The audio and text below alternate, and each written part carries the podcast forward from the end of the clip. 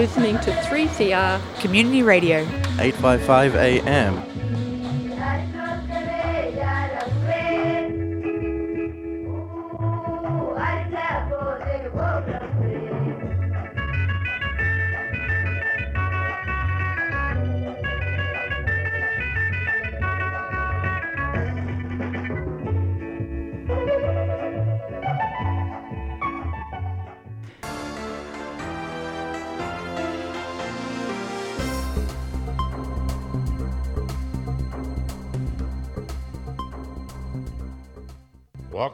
Latest news about the coronavirus, produced by the NEMBC Media, and I'm Big Willie James. Across Victoria, over 67% of people aged 12 years and over are now up to date with three COVID 19 vaccination doses, while over 94% have received two doses. In addition, over 56% of children aged 5 to 11 years in the state have now received at least one dose of a COVID vaccine. Victoria has recorded over 9,200 new locally acquired cases of COVID 19, with 15 lives lost. Restaurant closures still expected to rise.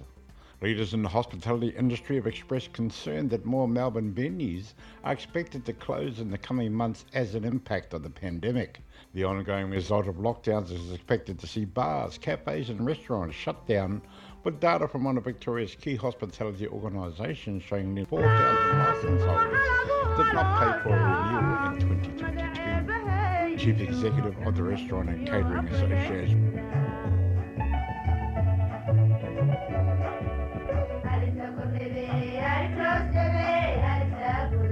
bismillahi raxmaan raxiim dhegeystayaasha qadaha qiimaha halkan waa tiriisa codka soomaaligana xamdi axmed cali aan la socodsiinay habeen kastoo talaada sideed iyo barka ilaa sagaalka iyo barka.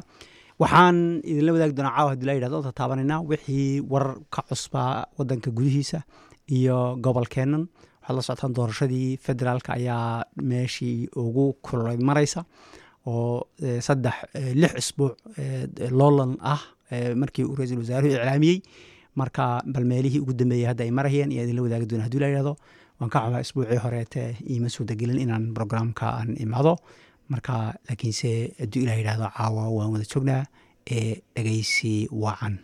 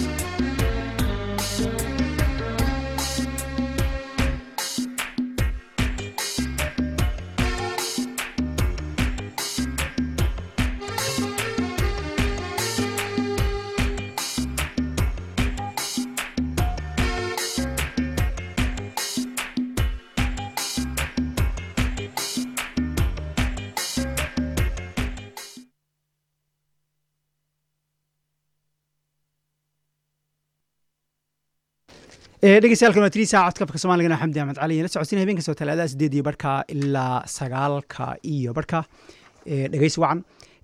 Haddaan dhegeystayaal u gudubno xag ku bilowno doorashada. Waxaa doorashadii federaalka ayaa ku jira bartanka loogu jiraa arrimihii ugu horreysay hadda soo dhacay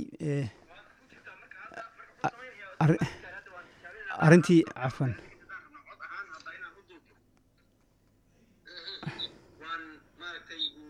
maxaa iga soo galay meesha? Waxbaa iga soo dhexgalay marka arrimihii waxaan ku dhex jirnay dowladda waxaa lagu dhex jiraa maaragtay kambeynkii bartankiisa ayaan ku jirnaa.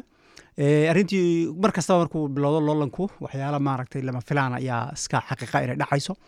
Tii hadda ugu horreysay ee dhacday tii labaad ee dhacday baan dhihi karnaa waxay ahayd isbuucan in hogaamiyaha mucaaradka albanisi uu ku dhacay oo laga helay cudurkii viruskan ee covid nneteen-ka laga helay. Taasoo macnaheedu ay tahay toddoba maalmood in uu ka maqnaado cambaynka oo uusan guriga ka soo bixi karin oo isolation u galo. Taas marka runtii waa si layska garan karo waxay ku abuur waxay ku sababaysaa dibdhac weyn cambaynkiisa oo maaragtay ay tahay inuusan usan basaska miidiyuhu ay ku jiraan uusan raacaynin uusan tegi karin meelaha dadkii inuu la kulmo. Waxyaale aad u fara badan oo kambeynka aasaaska u ahaa inuusan samayn karin maadaama uu ku xidhan yahay guriga uu ku jiro. Inkastoo aanu loo bartay baryahan dambe ama social mediaun aad u fara badan yahay oo waxyaalo badan uu ku samayn karo online ahaan laakiinse haddana ruuxii naftigiisa in la helo ma la mid ma ay noqonayso. Hase ahaatee waxa ay dhaheen laybarku in uu wakhtiga ayada aha uu hadda ku dhaco ayay ahayd wakhtigii ugu fiicnaa haddii la isu fiiriyo wakhtiga wakhtiyada kaleete. Kasoo qaadayay dhaheen isbuuca ugu dambeeya oo kaleete ama isbuuca ka horreeya labada usbuucod labada usbuucadu ugu dambeeya. Hadduu mid ka mid ahaa weliba khaastanka ugu dambeeya uu ku dhici lahaa kaas ayaa ka daraan lahaa ayay dhaheen khasaaraha iyo dhaawaca uu na soo gaarsiinhayo laakiinse hadda waxaa u dhimananaysa weli isbuuc markii la soo dhaafay isbuucii labaad ayuu ku dhacay. Marka wuxuu haystaa weeye weliba saddex afar isbuuc ayuu weli u dhiman oo kambeynkii oga dhiman. Marka waxyaalaha ugu weyn marka la isku baacsanhayo waxaa ka mid ahaa ood wararka ka maqlayseen solomon island iyo china. Maxay tahay arrintaasi? Waxaad ogtihiin waddankan australia waxaanu ka tirsannahay innaga waxa la dhaho pacifica pacific ayaanu ka tirsannahay oo macnaheedu ay tahay dalalka ku yaalla pacifica sida u badan yihiin jasiirado yaryar ah. Solomon island fiji east timor oo xataa iyado nafteeda qeyb ka leh meelo kala bedelan ayay maaragtay ka kala ka kala leeyihiin maaragtay ay ku kala yeelan dalalku. Laakiin se dalalkaasi guud ahaan inaan ka tirsannahay dalka ugu xoog weynna waanu nahay maaragtay ugu xoog weyn ku yaalla ayaanu nahay marka baryahan waxaa soo badanaysa in marka uu uu china saad la socotaan awooddeedu aad iyo aad ay u weynaanayso saa daraaddeed ay markadeedna ay doonayso inay noqdo awood iyadana jirta oo la tartamaysa maraykanka. Marka si lama filaan aha ayay jasiiradda la dhaho solomon island oo la gashay dalka china heshiis. Kaasoo heshiis kaasoo qarsoodi ahaa inay xidhiir leedahay oo i imaanayso oo calaaqad la seenayso waa muuqatay lama qaraynin laakiinse heshiis hoose oo nabadgelyo aha sida hadday u baahdaan oo kale inay nabadgelyo ay siin karaan ama booliska waxay la mid ahaa sidii australiaba mar ay u siisay mar qalalaasa waddanka ka dhacay inay sixid noocaasa la gelayso lama ogeyn oo maarata xisaabta kuma ina jirin arrintaas ayaa marka waxay keentay maaragtay qalalaasa iyo buuq aad u fara badan iyo eedayn dowladda loo soo jeedinhayo oo mucaaradku iyo laybarku uu ku jeedinhayo ku eedaynhayo dowladdu inay gabtay dariskeenni dariskeenni inay gabtay oo markaa china ay ka faa'iideysanayso. Waxaa iyadana muhiim aha oo in la ogaado aada muhiim u tahay in ay dowladdu ay siinaysay ee dowladda macnaha ama liberaalku guud ahaan mar kastaba ay dhahaan annaga ayaa xagga nabadgelyada ku fiican. Nabadgelyada xaggeeda annaga ayaa aada ugu fiican oo kaga fiican laybarka. Sida markay la dagaalanka dadka illegalka ku imaanaya oo kale asylum seeker waad la socotaan in ay mar kastaba ay aad iyo aad shuruud adag ay soo dejiyaan in dadku doon ay wadanka ku yimaadaan haddaba arintaasi marka arrintan waxay u keenaysaa iyaga carqaladeyn weyn bay u keenaysaa oo ah tii aad ku faanayseen ee dhahayseen arrintaa ayaanu ku fiicannahay inayba hadda ay maaragtay idin ladin ladiin dhaafayba. Oo china ay ku yeelanayso dalkii dariskeenna ahaa ay calaaqaad la yeelanayso oon inagoo calaaqaad xoog badan ina la lahayn. Marka arrimahaas ayay ka mid ahayd waxaa laga yaaban yahay inay macnaha arrintaasi sii socoto haddaba marka maxay tahay maxaa la dhihi jiray? Waxyar raalliga ah xogoo bareeg yar ayaan galahayaa waxyar aan ku soo noqon insha allah dhegeysi wacan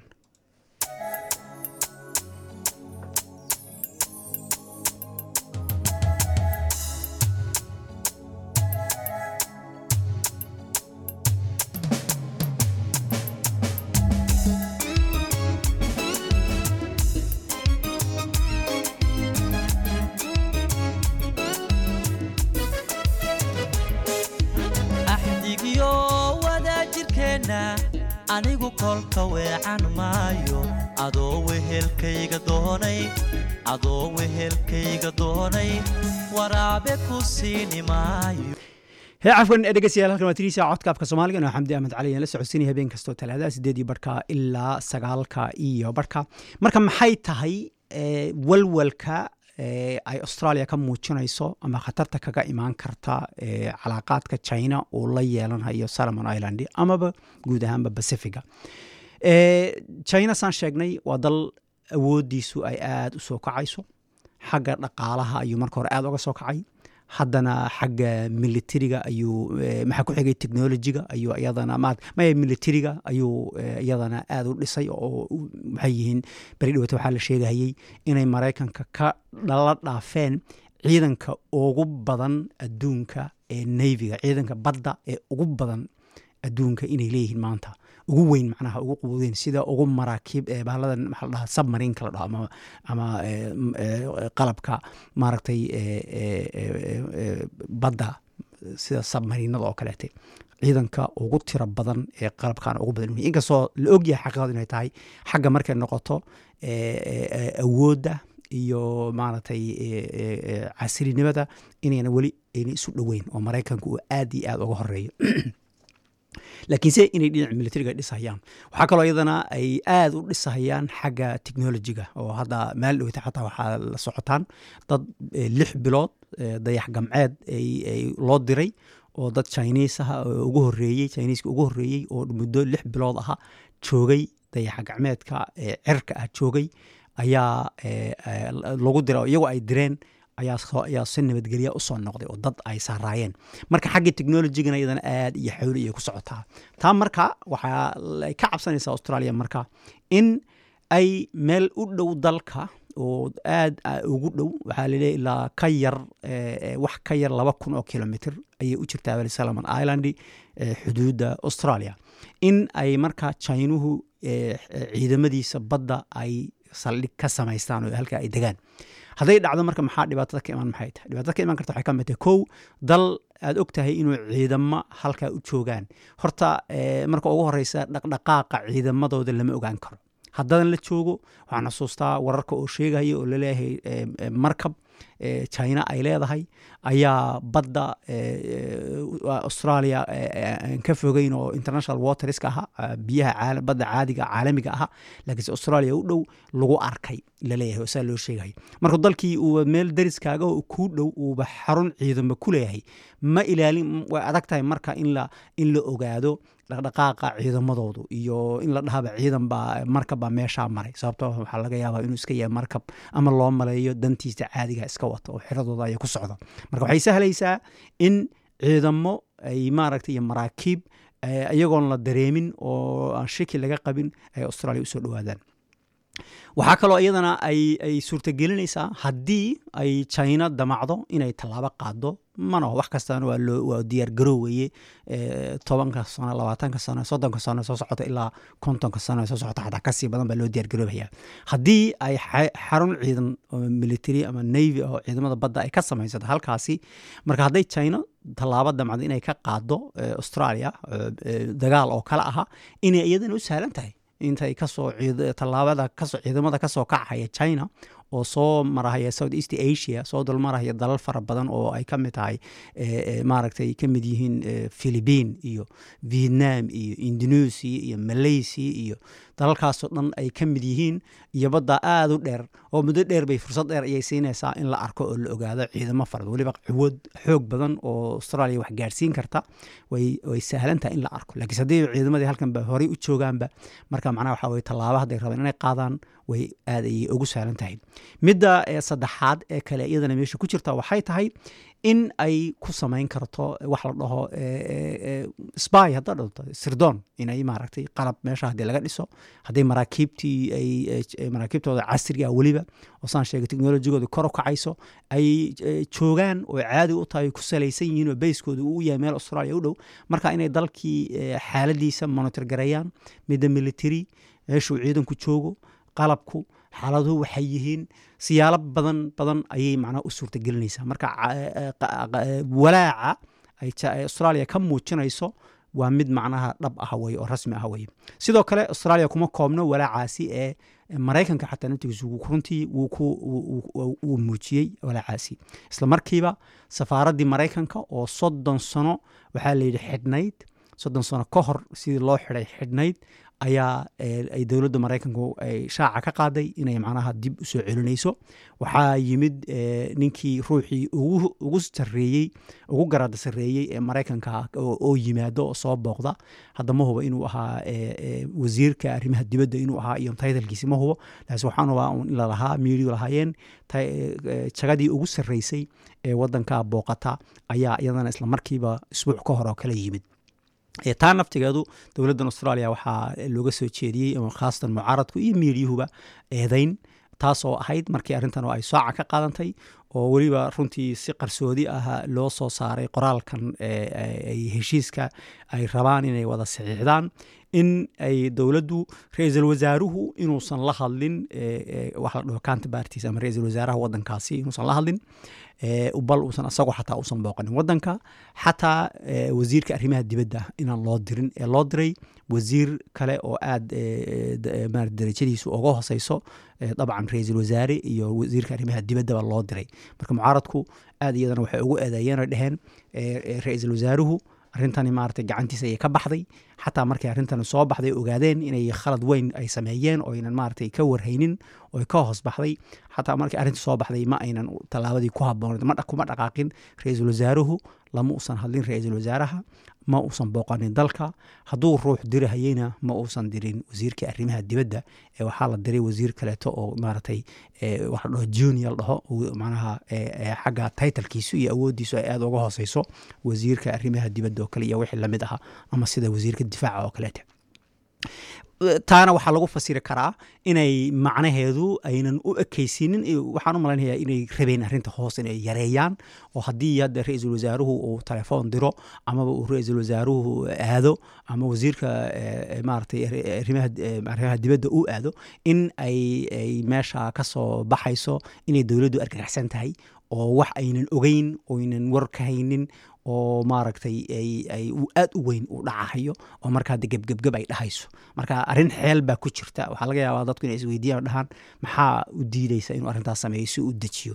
Macnaha maadaama waqti doorasho lagu jiro wuxuu doonayaa inuu eh, dowladdu ay doonaysa inay ka dhigto arrintu inay iska caadi tahay. Waxaan inay ahay waxay ogaayeen waxay la socdeen aynan sida laga dhigahayaan ayn ahayn laakiin xaqiiqadu markii loo fiiriyo way tahay maadaama maraykanku saan sheegay ay halka iyago weliba aad inooga fog ay u soo direen eh, eh, wafdi weyn u soo direen ka hadlahayaan safaaradoodii dib ay u soo celinayaan soddon sano aan la soo celinin eh, maarata waxyaalo badan la samaynayo arrin weyn oo aad u weyn weeye waxaana xaqiiqaduna tahay australia bay ahayd inay xataa u ahaato isha iyo dhagahaba maraykanka oo kaleete marka arrimaha aad maqlayseen maaragtay ku saabsan solomon island kuwaas ayaa ka mid ahaa oo markaa eh, dowladda aad iyo aad loogu eedeynhayo eh, loona arko inay macnaha ay ku keentay eh, dhaawac weyn waxyaalaha ay dowladdu ama liberaalku uu mar kastaba isagu ku faano inay kaga fiican yihiin liberaalka oo ah xagga nabadgelyada iyo xuduudda inaanu ilaalino iyo dadka maaragtay dalka inuu khatar galo iyo maaragtay ajnabiga iyo waxyaalaha ayada doonta iyo il- illegal immigrantga ay xooga u saaraan. Waxaa ka mid ahaa inay dadka iyaga u codeeyo intooda badan ayaa walaaca ugu weyn ay qabaan. Ayaa wuxuu yahay dadka eh, xagga nabadgelyada iyo australia la qabsan iyo waa lagu soo duuli iyo dad inaga fara badan oo oo maaragtay dal- dalalkan dariskeena ahee aad inooga fara badan ayaa inugu intay dadka dalka u soo galaan si macnaha iyagoon la arkaynin ayay inaga badanhayaan waxyaalaha mana noocaas oo kale. Mar ahaa waana arrin muhiima wey runta dadku inay ogaadaan. Macnaheedu marka hadda aanu leenahay eh, waxay leeyihiin mar kastaba xoogay saarayaan arrintaasi. Macnaheedu ma aho inay eh, arrinta iyagu aaminsan yihiin ee waxay og yihiin dadka ayaga u codaynhaya intooda badan inay arintaa ayada ay tahay arrinta ay qadarinhayaan qalbigooda ku jirto inay tahay. Marka hade waa inaad dadkii marka arrintii aad og tahay dadkan inay danaynhayaan waa inaad xataa haddaadan usan jirin xataa ma dhehaysid oo ma beeninayso rood waalantiine waxaad sheegaysaan waxba kama jire ayaroo maaragtay isdejiye ma dhehayside waa inaad maaragtay aad tiraahdo weeye ha arrintaas waxbaan ka qabanaya anaa wax ka qabanhaya arrintan waan ogahay dareenkiina waan la socdaa. Eh, marka waxbaan ka qabanaya inay dhahaan. Walidaabada xataa la- runtii arrinta si markii loo fiiriyo aadka khaladka weyn loo dhihi karo aadka weyn wasiirka difaaca peter dutton uu xataa iyadoo kambeyn lagu jiro uu yiri dalka australia waa inay shacabka australia ama dalka australia waa inuu dagaal u diyaar garoobo dagaal waa inuu macnaha u diyaar garoobo iyadoo hadda la leeyahay china ayaa meel dhisanaysa arrintii ay maaragtay aad u kulushahay inuu haddana carab eryadaas oo kale u isticmaalo arrin runtii aad iyo aad maaragtay khayru mas'uula lagu tilmaami karo ayay ahayd. Oo ay ka baxsan waxyaalaha ee australia inta badan ay ay siyaasiyiinta eh, eh, dhabta aha ay ka fogaadaan oo ah wixii nabadgelyada dalka aha ama dantiisa dhabta aha inay siyaasad ka fogeeyaan oo markaa aynan macnaha arrintan eh, cod bay ku helahayaan iyo iyagaa xaggooda loo soo waxayn darteed inayna siyaasad ka dhigin oo maaragtay lagu arrin lagu doodo ayna noqonin. Waana arrin runtii u baahan in laga cibri qaato oo macnaheedu tahay waxyaalaha muhiimka haddii wax jiro naftaadii ama qoyska khatar gelinhaya dadkaagii ehelkaagii ma oo arrin aad banaanka la soo istaagta xaggaasaan ku fiicnahay sidanaan anagu ay xagga dhehemehe waa arrintaasi ruux alla ruuxii kaala qaban kara. Wuxuu doonaba noqdee yaad si hoose intaad oola hadasho baad leedahay arrintan maxaan ka qabanaa seen waxu qabanaa iyadoo oon la siyaasadaynin oo haddii laga doodayana niqaash la sameeyo. Laakiinse waxyaalaha iska lecb saqiirka ah ee maaragtay mar ay xaggana u hagaagi karto xaggana u hagaagi karto yaa inta badan lagu doodaa security-ga iyo nabadgelyada dalka iyo mustaqbalkiisa ma laga dhigo dood. Dood haddii la keenayo waa inay si cilmiyeysan oo degan oo khaasatan wakhtiga aan doorasho lagu jirin oo ruux walbaba positionkiisa uusan isku tiirinaynin oo ku dhegaynin in macnaha laga dhigo ayay aad iyo aad ugu habboon tahay dhegeystayaalkan waa tiriisa codka afka soomaaliga xamdi axmed cali la socodsiinaya habeen kastoo talaadada sideedii barka ilaa sagaalka iyo barka. Markaan bareega ka soo noqono waxaan idinla wadaagi doonaa arrin eh, runtii aad muhiim u aha oo ay ku kala bedelan yihiin dadka wararka eh, eh, laga maqlo war- wararka laga maqlo waxyaalaha laga maqlo sida eh, akhbaarta lainoo soo gudbiyo kale. Muxuu yahay waxa u dhexeeya farqiga u dhexeeya siyaasiyiinta ama ururada siyaasadda iyo kambaniyada ama hay'adaha waxgada. Arrin waxaa jirta aad muhiim ah oo u dhaxaysa labadaasi oo midna hadduu uu sidan waxa uu sameeyo sharcigii uu jebinhayo midka kalena uusan sharciga jebinaynin laakiinse raadayntu ay isku mid un tahay. Maxay tahay middaas? Ayaa idinla wadaagi doonaa hadduu la yidhaahdo ee dhegaysi wacan. 3CR Community Radio giving the voice to community since 1976. haddii aad tahay shaqaale caadi ah ama qandaraasle ku sugan victoria waxaa laga yaabaa inaad u qalanto lacagta bukaanka ama daryeelaha si aad u ilaaliso caafimaadkaaga ama caafimaadka qof aad jeceshahay dammaanad qaadka mushaharka jirada ayaa siiya shaqaalaha xaqa u leh shan maalmood. Sannadkii mushaharka ugu yaray qaranka oo ay maalgelisay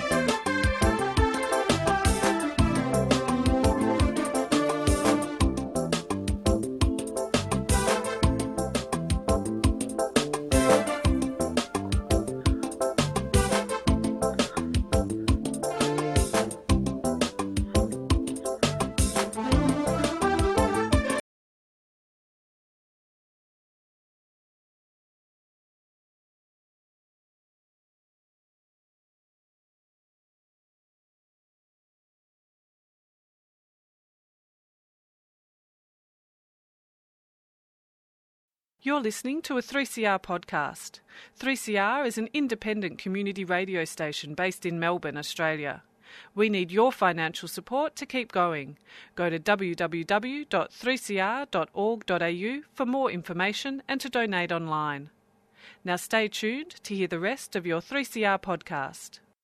Dhegeystayaaalkan waa tiriisa codka afka soomaaligana xamdi axmed cali la socodsiinaya habeen kastoo talaada sideedii barka ilaa sagaalka iyo barka. Dhegeysi wacan waxaan ku jirnaa waxyaalihii wadanka ka cusbaa ee maaragtay mediaha maryahan laga yaaba inaad kama maqlayseen. Waxaan hadda ka hadlay arinta solomon island iyo waxa ay ku sugan tahay china iyo laga hadlahayo. Dhegeystayaal waxaa khadka laynka toos ugu jira oo ila daadiinaya brograamka intiisa kaleete cabdul waa nin ka mid ahaa dadka indargaradka magaalada melbourne soomaalida melbourne oo aad noogu dhunduleela arrimaha maaragtay xagga wararka marka loo fiiriyo. Waa nin waxyaalaha xataa aynan soomaalida kaleete weliga aanan ku arag wax samaynhaya marmarka qaarkood sameeya togbaga ka qayb qaata oo maaragtay inaga matala in badan oo anigu aan ku jira xataa oon xaggaas aan aan maaragtay weli aan ku dhaqaaqin. Cabdul ma maqlaysaa? Ha waan ku maqlaa. Asalaamu calaykum maxamed waa mahadsan tahay. Calaykum salaam waraxmatullahi wabarakaatu cabdul soo dhowow ku soo dhowow trisia a. Waxaan rabnaa bal inaan maaragtay runtii in badanna waan weliba adiga waan wada sheekaysanaa arrimaha dadka dadkeena si maaragtay aan ugu baraarugno wacyiga iyo meesha aanu joogno waddankan aanu joogno maaragtay waddankan hadda waa waddankeeni weeye waanu dooranay waxaadna moodaa inaan maaragtay si markii loo fiiriyo aan un ka sii jeedno oo xagga waddankii iyaan u sii jeednaa ma waxyaalo kalean iskaga masquulsannahay ma dadka intooda badan wixii bayna fahmaynin waxay tahayba si in baan oga yara dadbannahay oonan maaragtay ula soconin waxa dhacahaya bal maxay kula tahay cabdullaahi oo cabdul maxay wallaahi waa arrintaas arrin fiican ma ogtay meelaad joogtid waa inaad fahantid marka anaga dhibkeena ama wax wax kasta waa iska fududaysanaa mogta sax. Siyaasaddana wax lagu soo galo waayo waxaa qofka uga caawin kartid u qaban kartid. Marka waa inaan isburaarigeynaa waa inaan isweydiinaa qofka oo maarkana issoo sharxaya ma xisbigaas maxay noo qaban karaan. Marka waa ka jifna annaga haddii loo fiiriyo waddamada kale hadda maraykanka ahaan hadda ka fiiri siyaasooyinka soomaalida aad bay u soo galeen. Sax. Meelaha qaarkood hadda waa aragtay iskuullada meelaha qaarkood af soomaali baa lagu qoraa af carabiga soomaalida aad bay u gashay. Marka annaga haddaan wax iska bedelayna waa inaan siyaasadda galnaa marka marka waxaana ma leedahay bal horta wixii in la fahmaaba de ka horreysa sooma xagga fahmidii baabad moodaaba inaan inaanan ka hurudnaba. Oo hadda haddaad dadka averageka ah hadda soomaalida melbourne waa meelihii ugu horreysay ee soomaalidu ay timid weeye waddankan australia communitiga ugu badanna weli ay joogto. Haddaad hadda aad dadka weydiiso oo ka soo qad siyaasadda ururada xataa maaragtay yay kala yihiin fikradooda maxay kala tahay guud ahaan? Maxaase imisa macnaha nidaamba xataa waddankan ka jirta? Waxaad arkaysaa dadka intooda badan inaynan garanaynin aynanba xataa xiiseynayninba xataa oo inan u malaynhayaanba xataa inuusan u baahnayn. Anu si aan u fasirana ma garanaya macnaha waxogo comfortable baan dareemaynaa miyaa? Oo aad maaragtay macnaha anu ma garanhayo maxaad ku fasiri lahda cabdullaahi waa show. Aad waxaan dareemaynaa maa meeshu aad inay u qabowdahay oo aad u fiican tahay oo ina haba yaraatay khatar iyo dhib inu nagaga yimaado inaynan ina ha yaraatay qalbigeena in ugu jirtaan malaynaya? Habada koowaad waxaa u malaynaa kulley annaga haddaan wax rabno ma arkina waa inaan fahnaa waa inaan soo fiirinaa. Hadda xisbiyada kastaa sheegaysay dad baa dad badan baa jira oo maarkina xisbiga leeyihiin xisbigaas xisbigaas kaas baa noo fiican laakiin markaa fiirisid maarkina waxay ka taagan yihiin waxay sameynayeen. Qofkaas dan uguma jirto. Marka muxuu maqlay heblow baa saas dhahe annagana saas baan u soconaynaa ha ha oo macnaha waxa la dhahoo kale cafan adaa wata ee superficialka korkan oo kale. Ruux baa hadda wuxuu kuleeyahay aniga maaragtay guryahan dhisi hadduu dhaho kale mitaal ahaan ka soo qaado kale. Inaad un guryaha ha guri baan u baahanay marka guri buu dhisa waa fiican yahay. Lakin waa inaad fiiriso ruuxani siyaasadiisa hoosta ah iyo adiga wuxuu ka aaminsan dadka adiga kula midka ah iyo long term. Waa inaad ka fiiriso wey inaad korkaa un wax yaroo markaa uu sheegay. Sax. Waa inaa fahanteed qofkan ulajeedadiis maxaa waaye ma anaga saas bunoo rabaa marka faa'iido maxaa igu jirto? Muxuu ka taagan yahay? Marka taas waa muhiim laakiin anaga anaga kulley soomaalida keli xitaa ma dhihi kari dad badan baa jiro aan badan aan markino asla murano aan dhahnaa xisbigaas kaasi kaas yaa fiican. Marka ayaga xitaa dadka qaarkooda inta ku dhashtay oo leeyihiin war saas baa fiican kaas baa fiican laakiin ayaga markaa fiirisid markina saa hadda sheegay ayaga Ah. dan uguma jirto. Laakiin ayaga maxay aaminsan yihiin? Waa waxa mediarka laga sheegay. Waxay leeyihiin? Waa hiblow baa saas dhahay ama hiblow baa dhahay. Kaas baa fiican saasaan u qaadanaynaa. Sax. Marka laakiin waa inaan homework markina wax badan aan ka samaynaa aan fahanaa. Arrintaasna marka waa arrin fiican. Wax oo hal maalin lagu samayn kara ma jirto. Annaga hadda soomaali ahaan waddankan waxaan joognaa soddon miya soddon iyo wax la jiro ku dhowaad marka waa inaan si fiican u fahanaa aan dhexgalnaa ha oo oon doorkeena ka ci- ka ciyaarnaa. Ha absolutely. Aha markaas ani kolley saas bay ila tahay. Xitaa markina lagama soo bilaaba kor inaan ka soo galno markina sax waxaan ka soo bilaabaynaa local council munishipi maa dhahdeen soomaalida dowladda u hooseyso. Ya ha mirshiibyadaa la dhihi jira malaynaya. Anu naftiga Marka kor ka soo bilaabna federal minister aan noqonaynaa ama kan baan noqonaynaa markina ha waa inaa marka waxaa soo markina hoos aa ka soo bilaabid jaraanjarada jaraanjarada tartiib tartiib oo u soo socotid. Ha ee in lana isweydiiyo si dhab ah iyadoo maaragtay laga laga baarandegaya bal horta maxay tahay mithaalba hadda aad u fiican baad sheegtay ee, maraykanka oo kaleete xataa yurub oo kaleete ee, waa la galay ilaa xad maaragtay siyaasadda. Marka australia maxay kaga bedelan tahay? Ma saan sheegay ma ma comfortable kaasaan oo maaragtay umameena baahanin oo iska aad bayn u qabownahay oo dhibaato iyo waxba mayna dareemin. Saas miyaa ma caqabad kale oo inay hortaagan baa jirta.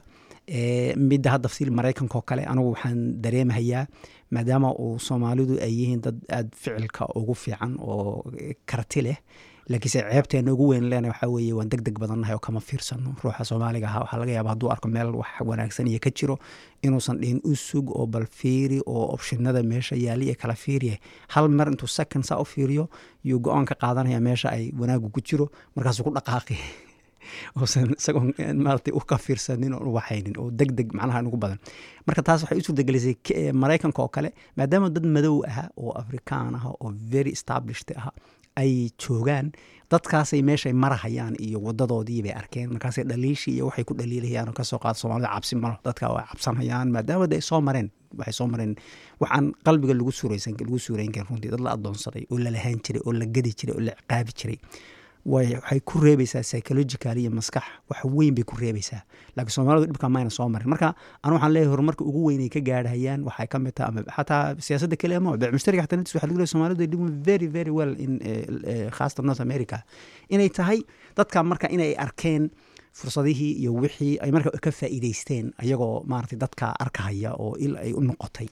Eh, halkan ayna jirin oo meel wax aan ku dayno oo inaga horeeyey uusan jirin oo inaguba aan nahayba inaga xataa afrikaanka kaleeta xataa inagaa ugu horreyn. Mugta east afrikaanka ayaa ugu horreeyey oo qoladan walaalehen iyagana ee eritreyaanka weliba soomaalidaba ugu sii horreysayba yaa ugu sii horreysay oo timid. Marka bal in la isweydiiyo la dhaho muxuu yahay waxa dhabta ah ee sababahaya maaragtay inaan maaragtay aanu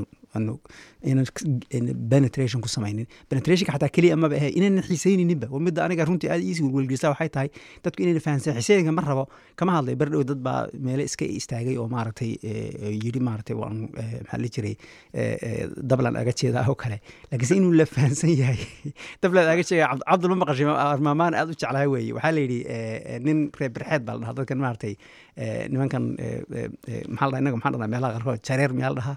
Waa niman mogta xig- waa niman xigmad badan weeye. Yaa waxaa la yidhi ee, meel dad soomaalida waad garanaysa waxbay colaad iyo dagaal iyo waxbay samayn jireen meel ee, la duulahayo oo ciidan la duulahayo. Yuu yuu waxaa la yidhi ka soo qayb galo yuud meesha. Marka ciidanka waxaa waa la kala qaybina waxaa loo kala qaybina kuwa qoryo wata iyo kuwa aan qoryo wadanin marka kuwa qoryaha wata markii xoolo iyo wax la soo dhaco xoolaha intooda badan bay ugu fiican bay qaadanayaan. Kuwa aan qoriga wadanina ma qaadanayaan. Ninka waxaa li geed geed alloobaad oo geed hadda iska qori alloobaad intuu soo hagaajiye oo xadhig u sameeyey iyo qarqarka intuu gashaday. Iyo raggii qoryaha lahaabuu yuu ila soo dhexi uraha sidee baa la yidhi? Markaasuu arka taga dablan aaga jeedaayo. Dable macnaha weye qolada qoryaha wadata. Inaan qoryeelo noqdaan rabaan jeeda marka dad saasoo kale sameeyey way jireen laakiinse fahamka weli ma joogo meesha. Dadkii in la fahamsan yahay siyaasadda hadda imise dowladood baa ka jirta wadankan australia oo kale. Imise ururaa ka jira. Ururadani maxay kala yihiin xagee kala taagan yihiin? Fundamental iyo aas aas ahaan kee inaga inoo reen keebaa aas aas ahaan maaragtay inaga la dhihi karaa guud ahaan way inaga soo horjeedaan. Haddayse inaga soo horjeedaan sababtu maxay tahay? Iyada nafteeda waxu baahan in la isweydiiyo ma nacayb ay ku necab yihiin ba mise waa dan unoo iska danaysi weeyo dadka iyaga u codeeya ayaa maaragtay ay- adiga aan saa kuu jeclayn. Saa darteed marka kaaga yar maaragtay kaaga iska yar waa arrin muhiima weeye oo dadku xataa naftooda inay ogaadaan. Markii urur la leeyahay eh, maaragtay aada adiga eh, kuma eh, jeclo. Macnaheedu ma ina ashkaastan inay yihiin dad xun oo ku necab ma ahee waxay u badan tahay dadka iyaga u codaynhaya ayaan maaragtay adiga eh, comfortable kugu ahayn. Marka ha marka ma rabo inuu ma uu rabo marka in lagu ag arko. Sababta wuxuu ka yaabay marka inuu cod dusgareeyo ma aho inuu maarata isagu xun yahay. Waxaad arkaysaa dadka qaar kuwooda right-ka la dhaho. Dad waxaa la arkaya very decent ah oo markaad si caada shakhsi oo la kulanto b- aad bini aadan u ah oo si kula dhaqmahaya laakiinse markay siyaasad ahaan noqoto eh, doonahaya inay kaa iska fogeeyaan kaa fogaadaan oo laga yaaba xataa inay farta kugu yara fiiqfiiqaan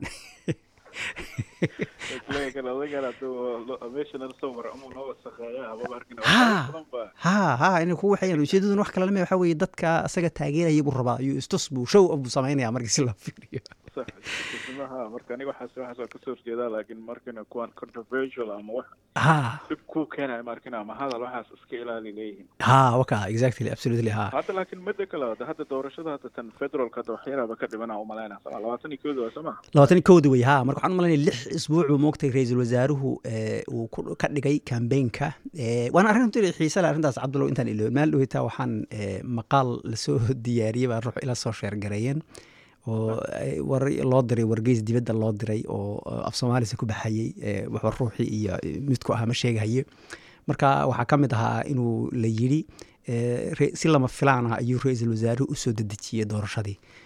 Taasna ma ahayn runtii xaqiiqada aad iyo aad bay uga fogeyd. Doorashadu waktigeedii aad iyo aad bayba waxay ku dhisigatay inay waktigeedii kadib dhacdo. Oo maaragtay saddex sano weeye labadii sane ee sannadkii ugu dambeeyey oo kale wuu ra'iisul wasaaruhu doorashada wuu ku dhawaaqi karay.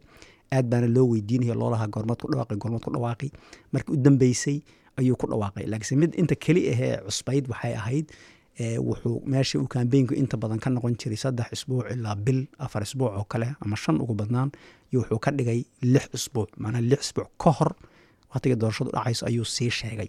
Oo markaa kambeyn dheer oo muddo dheera la samaynayo intaa keli an baa ka ahayd xagga kale markii loo fiiriyo wuxuuba ka dhigayba almost maalinkii ugu dambeysay ee uu doorasho ku dhawaaqi lahaa ee doorasho caadi u dhici lahayd hadduu xataa isbuuc laba isbuuc xataa dib hadduu uga dhigi lahaa wuxuu khatarta u geli lahaa in doorashada la kala qaybiyo. Oo inan maaragtay u dhicin doorashadu ay khaasatan sanadka oo kale oo waqtigooda u dhacahayey in maaragtay dib looga dhaco.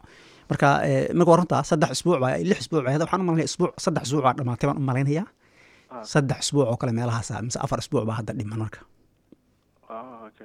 midda kale hadda laakiin eh, maxaa la dhahaa ma garanaysaa wuxuu aga dhigay lix isbuuc ma oppositionka inuu tartiib tartiib u dhameeyo muu rabaa ama say kula tahay? Ha niyo waxaan waa waqti dheer. waa qox dheer waa run wey waxaa eh, waa boonti aad u fiican maadaama uu uu xagga markii la aftida uu ka dambeeyey eh, aftida dadka laga qaadahayey eh, isaga iyo dowladdu way ka dambeeyaan oo ay ka hooseeyaan macnaha laybarka ka horreeya Eh, ninkanna inkastoo uu eh, albanisi uu wasiirii soo ahaan jiro dowlado hore laybarkii uu ku soo jiri jiray baarlamaankana in badan ku jiray.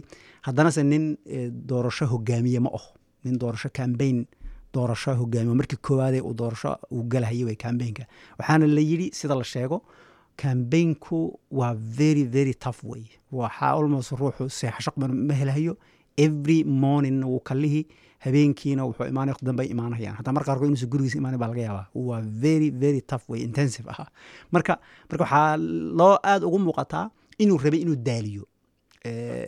Ninkan oo markaa markuu daaliyana macnaheedu tahay inuu khaladaad galo ay u sahlan tahay. Taasba markaa loogu keliya lagu qiyaasi karaa sababta uu u dheereeyey. Sababta wuxuu awooday isagoo ay labaatan iyo kowda ay may ay tahay inuusan haddana lix isbuuc ka hor sii sheegin oo isagana si markii loo fiiriyo ugu hadda dan ugu jirtay oo waxay ugu jirtay hadda markuu doorashadii uu iclaamiyey dowladdu waxay noqotay caretaker mode. Oo taa macnaheedu ay tahay wax go'aan ah ma qaadan karto oo weyn.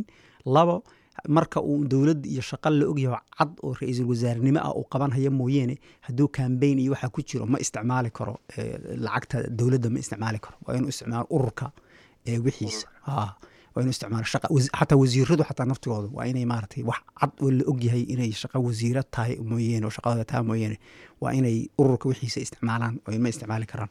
Marka keteka mode marba hadday galeen. Wuxuu awooday marka inuu dib u sii dhigo laba isbuuc uu sii haysto oo maaragtay ay hal ku ahayn inuu xataa diyaaradda eh, eh, maaragtay u qaato oo dalka ku tago xagga tago oo maaragtay un mucaaradka iska qeylqeyliyaan laakiin sese sharciyan usan waxba nidaam usan jebinaynin marka maxaa sababaya marka inuu waqtigii isaga uu u isticmaali karay dowladda waxeeda iyo awooddiisuna fuulkiisa u sii ahaato inuu yareeyo laakiinse uu doorashadii sii sheego marka midda keliya soo bixi karta waxay tahay inuu rabay inuu maaragtay daaliyo mucaaradka ha liidarka naftigiisa iyo lacagtooda xataa naftigooda sababtoo ogow xaysiiska iyo shaqaalaha iyo dalkan oo weyn intaa la kala tegahayo lacag baa ku baxaysa. Diyaaradaha ay qaadanayaan waxaasoo dhan waa lacag weeye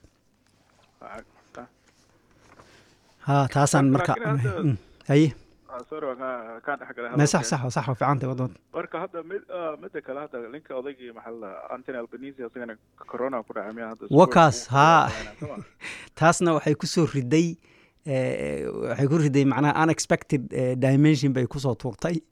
Eh, ninkii waxaa ku dhacay covid baa laga helay oo tahay markaa inuu lix eh, eh, toddoba maalmood uu galo eh, isolation. Waxaan maleeyaa jumcada soo socotay u dhammaanaysaa jimcada u dhamaanaya ya u dhammaanaysaa haa. Marka hadda sida la sheegayo xagga caafimaad ahaantiisa waxaad moodaa wax dhibaato ah ma ka muuqato oo ca- saa uma qabanin oo kulley wuu talaalaa baan malanaya wuu talaalaa laakiinse se dee muxuu noqday off macnaha maaragtay inuu ka baxsan yahay mara off oh, maxaa la jiray eh, off off road oo ereyga muxuu ahaa. Adu ninaan shaqo ku jirin guriga un mooyeene iyo online mooyeene ha iyuu odhaqday marka eh, taas marka waxayse dheheen laybarku waxaa nooga daraan lahayd labada isbuuca u dambeysa ama isbuuca ugu dambeysa uga daraan waxay dheheen hadduu ku dhacayo waqtigii ugu fiicnaa ayuuba ku dhacay bay leeyihiin. Sababtoo hadduu isbuuca ugu dambeeya ku dhici lahaa oo maalinka u dambeysay dadka la doonaya in la kasbado uu ka maqnaan lahaa. Taasaa waxay leeyihiin ka daraan lahayd. Marka waa runta eh, covid baa ku dhacay. Saan sheegay caafimaadkiisiisa kalese waa iska fiican yahay waxba ma ka jiro laakiinse wuu ka maqan yahay. Waxaa matalahayay maaragtay eh, kuwa kale senior maaragtay cabinet shadow eh, cabinet ministerka ah ama maaragtay ayaa matalahayay Eh, runtii waxaa xiise lahayd oo ca- cabdul iyadana jeclahay inaan dadka la wadaago eh, waxaan dhegeysanayay eh, program laga soo diyaariyay a b c gu nin eh, eh, hal- halbaa la dhaho eh, clay clay jason la dhaho oo ah ninka afhayaanka u ahaa cambaynka ayaa maalinkii ugu horeysay albanisi uu maqnaa news conferencigii yimid oo maaragtay media ay la hadlahayaan. Ninka marka waxaa layidhi si wuxuu u hadlay baa layidhi aad iyo aad looga bogay oo liidr markaas xataa ammaantiisa waxaa layidhi ilaa kuwa qaarkood ay ka dhaheen ninkan yaa ku habboonba ninkana ku habboon ba inuu leader noqdo waa very waxay dhaheen naturally speaking very macnaha comfortable very articulate all sort of comment Dhaysaa marka marka qaarkood eh, imaan u- dhibaato u noqon ku kalay soo saartay ninka hadda way soo saartay wax kasta oo noqdaba ninkaasi soo baxay isaga hadda. Eh, ninkii ka hadlahayay a b c ga commentia wuxuu sameeyey. Ninkan buu yidhi cambaynkan dhuso u bilowdayba iyo muddo dheerba asagaa u ahaa buu yidhi eh, afhayeenka u ahaa buu yidhi laybarka cambaynka intii horena wuu un yidhi. wax hadalkiisa maqlaya oo danayni ma jire hadda markuu ninkii mucaaradka meesha ka baxay. Umbay umbay dib u fiiriyeen oy oy hadda arkahayaan. Ha maya asaga yarkaas waa yar uh, aad u fiican oo hadal badan maarkina oo maarkina waa la iska celiya asagii saddexda ugu khatarsanba waaba ayaga umalayna laybarka waa kaas. Aye. Iyo gabadha kale ay dhahaan benny wong maa lahaa yes yes yes. San- sanadka ku jirta. Sanadka ku jirtay. Aye taasna aad u fiicanta iyo yarka kale la dhahaa maxaa la dhahaa. Kan oo treasureka maxaa la dhahaa? Ha oka waana ku-xigeenka horta soomo. Waxaan u malin inuu ku-xigeenka yahayna eh, ku-xigaba albanisi oo umalayna ha. Marka kaasna waa treasure maxaa la dhahaa shadow treasure ay dhahaan sax. Marka kaasna very articulate waaye aad u fiican waa scott morrison xitaa darad inuu caynaya umalayna uu ka xanaajiyo odayga ha ha ha arrinta markii waxaan umay salomon island iyo horta markii laga hadlayay miyay ahayd meelahaas oo kale? Salman ha markii uu dhahay odayga ha odayga laakiin hadda marka scott morrison marka isagana aad baa loogu dhegan yahay markana afarta dhinac. Ha. Laakiin hadda waxaa u malaynaysa inuu fursad fiican uu helay hadda markana maadaama odayga fadhiya uu fadhiya ha. sax. Oo clear eh inuu soo sameeyey ha ha ha inuu helay absolutely absolutely ha. Eh, Ah, midda kale eh, me waxaan rabay inaan dhaho cabdul arrinta kale moogta aan u baahan nahay inaanu eh, community aan haddaan nahay xagga siyaasadda iyo inaanu ka- kala qabsanno. Kala dambayntu waa arrin aada muhiima weeye waxaad arkaysa hadda saan sheegayna dad competent ah hadli kara hadli og oo step samaynhayo marar badan maaragtay in eh, fursad helaan mooyeene leaderka aan garab kacaynin laakiin soomaalida waxaad dareemaysa hadda dad soomaalida wadankii wax ka dhacayay iyo meesheenna xataa haddaad aragto isgarab kaca aad u fara badan. Marka arrintaana bal in laga qiyaas qaato oo maaragtay ruuxu inuu wax wanaagsan sheegi karo un keliya inayn ahayne inuu macnaha si continuity iyo order iyo kala dambeyn iyo usluubsi u jiro in macnaha la kala dambeeyo. Marka taa hadda waxay kutusaysaa ninka hadda aan ka hadlayno oo kale iyo labada ninka aad sheegtay iyo labadaba saddexda aad sheegtayba aad bay u hadlayeen isbuucan intii horese way joogeen. Maadaama liidarkii uu joogo ma aynan hadlaynin oo ma aynan isa soo saaraynin laakiinse markuu maada asaga hadda uu ka baxay iyo maaragtay soo baxayaan.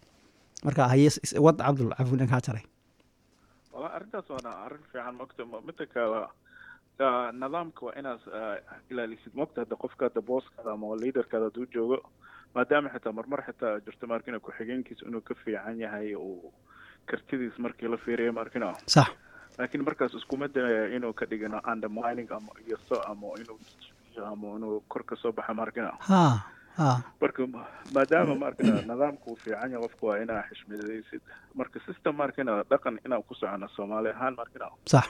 Way fiicanta marka laakiin haddaan kulli aan markina as one hadda aan iska dhigno markaas wax badan waa qabsan karnaa wax badan waa samayn karnaa laakiin haddii la dhaha markina anaa inta taagan cabdulla inta taagan xamdi baa inta taagan heblow baa xagga taagan. Isgarab kac hadday noqoto Ah, isgarab qabanaynin. Markaas waxbana looma qaban karno annagana waxba uma qaban karna dadkeena ha laakiin markii markina united ama markina isku imaano ah, siyaasadda dadka siyaasaddana maxay kugu xishmeynayaan marka aa wadatid cod oo lagaa dambeeyo Waka. markina xamdi taasna waa muhiim. Spot on wallahi billahi. Ha ha ya ha hadda ka soo bilaabo hadda xaafadahan ah, maxaa la dhahaa inner city. Anaga aad baa ugu badanna soomaali ahaan ama afrikaan. Ha. Ya? Ha.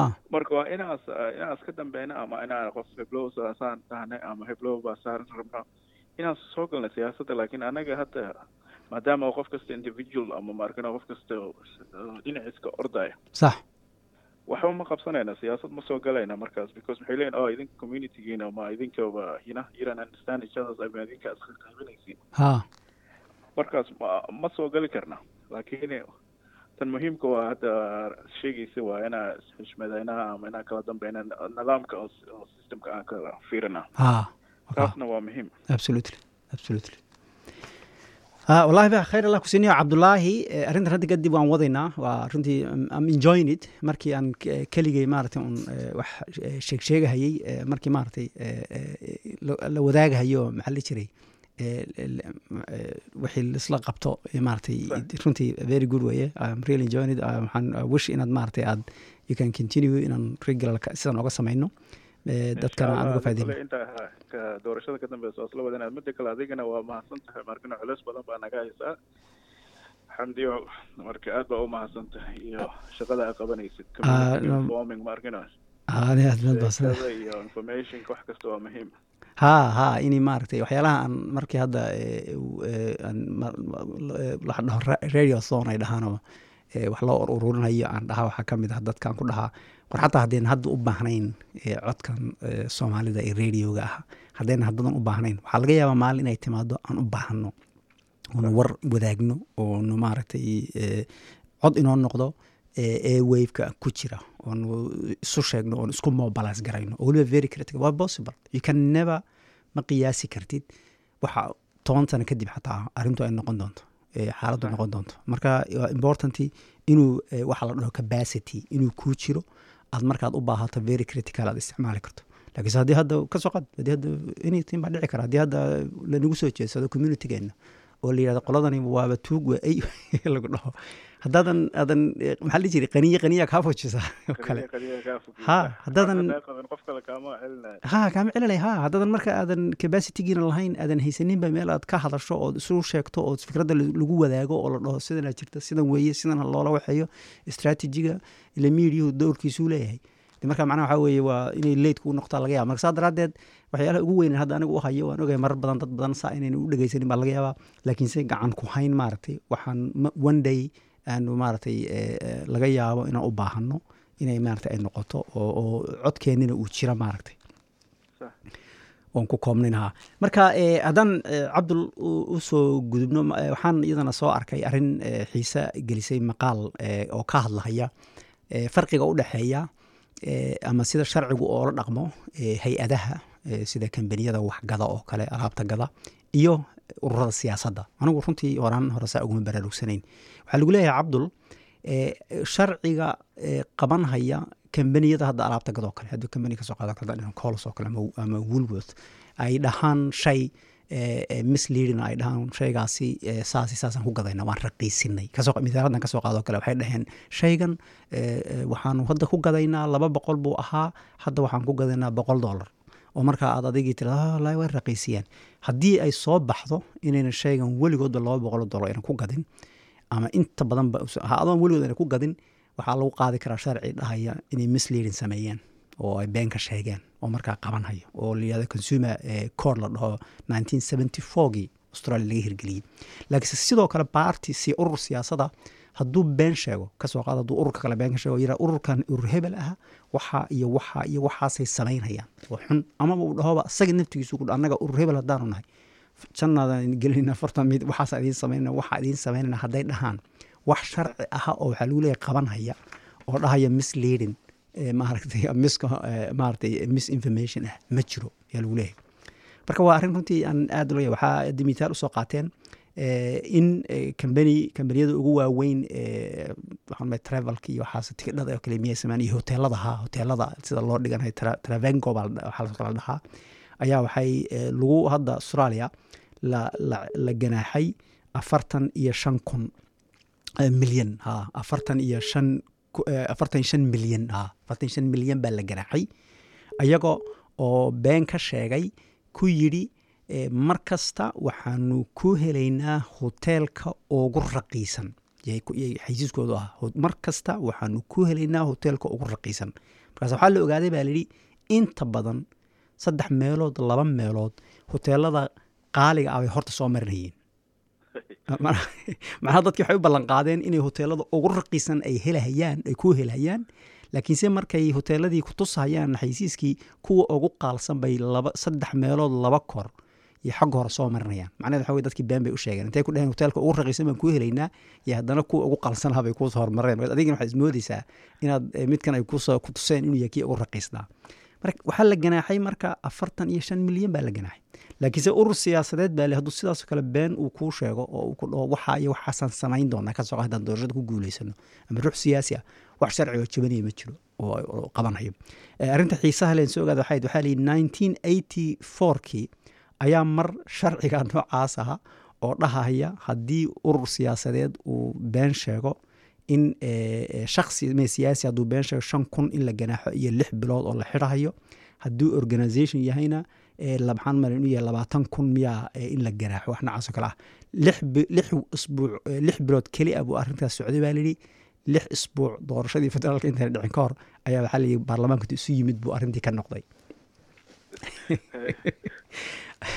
iyadoo sababta looga dhigahayo eh, waxay khatar gelinaysaa eh, maaragtay eh, dooda oo dadku hadday iyagoo doodahay si firiya u hadlahay ama siyaasigu ama ururada siyaasaddu ay arrimo sheegaan arrintii inay been tahay haddii la ogaado dhibaatay u keeni kartaa. Sidoo kale iyadana waxaa la yidhi waxay dhibaato u keeni kartaa baa layidhi tviyada oo iyadana waxaa ku jirta haddii hadda uu ka soo qaada hay'ad urur siyaasad ah uu xaysiis soo diyaariyo oo uu leeyahay waxay waxaasan qabanaynaa tv-gu hadduu arintaa rangareeyo ayaga naftigoodu waxay ku noqon way soo gelayaan misleadingki bay soo gelayaan political campaign badanaa dhibkaas gala marka dhibaatada u imaanaysa ha iyaga umaanaysa. Marka arrimahaas iyagoo isticmaalaya ayaa arrintii laga noqday. Marka arrintaas waxay runtii arrin aad very interesting bay ahayd in macnaha almost laba organisation oo kale midna yahay siyaasad midna yahay kuwan mushtariga kuwa bec mushtariga hadday wax dhahaan sharci uu qabanhayo oo la ganaaxayo amaba laga yaabo xataa in ruuxii la xidho kuwa siyaasaduna aynan maaragtay sharciga uusan qabanin laakiinse iyadana waxaa xiise lahayd waxaa ka bedelan baa li australia south eh, eh, south australia. South australia sharciga federaalka markii laga noqday ayay isla sannadkii 1984gii mise 85kii yay waxay sharci sharciyeen arrintaasi. Inuu macnaha siyaasaddu inay tahay inuu dembi ruuxdu been sheego inuu sharciga jebinayo marka macnaha waxa kaa wuxuu ku kooban yahay uun south australia keli buu ku kooban yahay.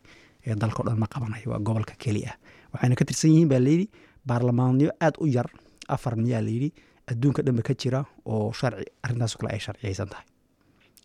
South australia ku jirtaa.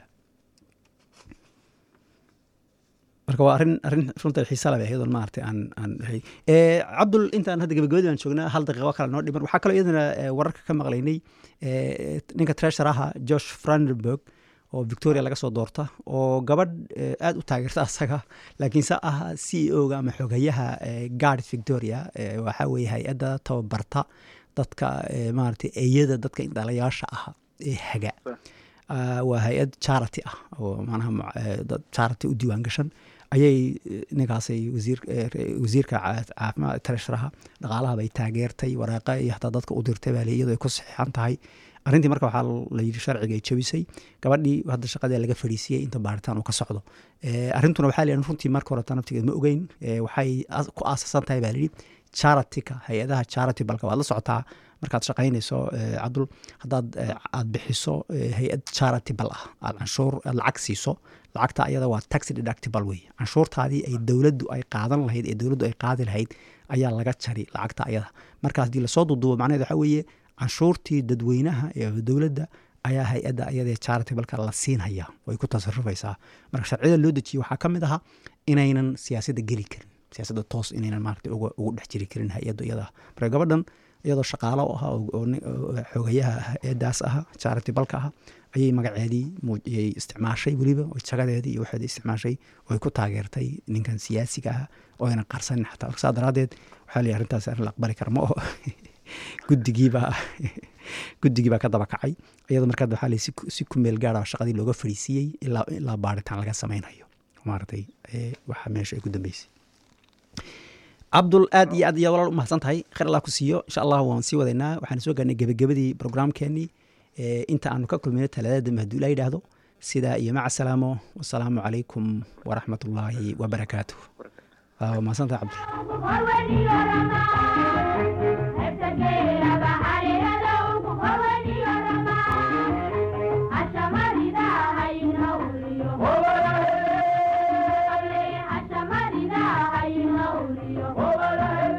You've been listening to a 3CR podcast produced in the studios of independent community radio station 3CR in Melbourne, Australia. For more information, go to allthews.3cr.org.au.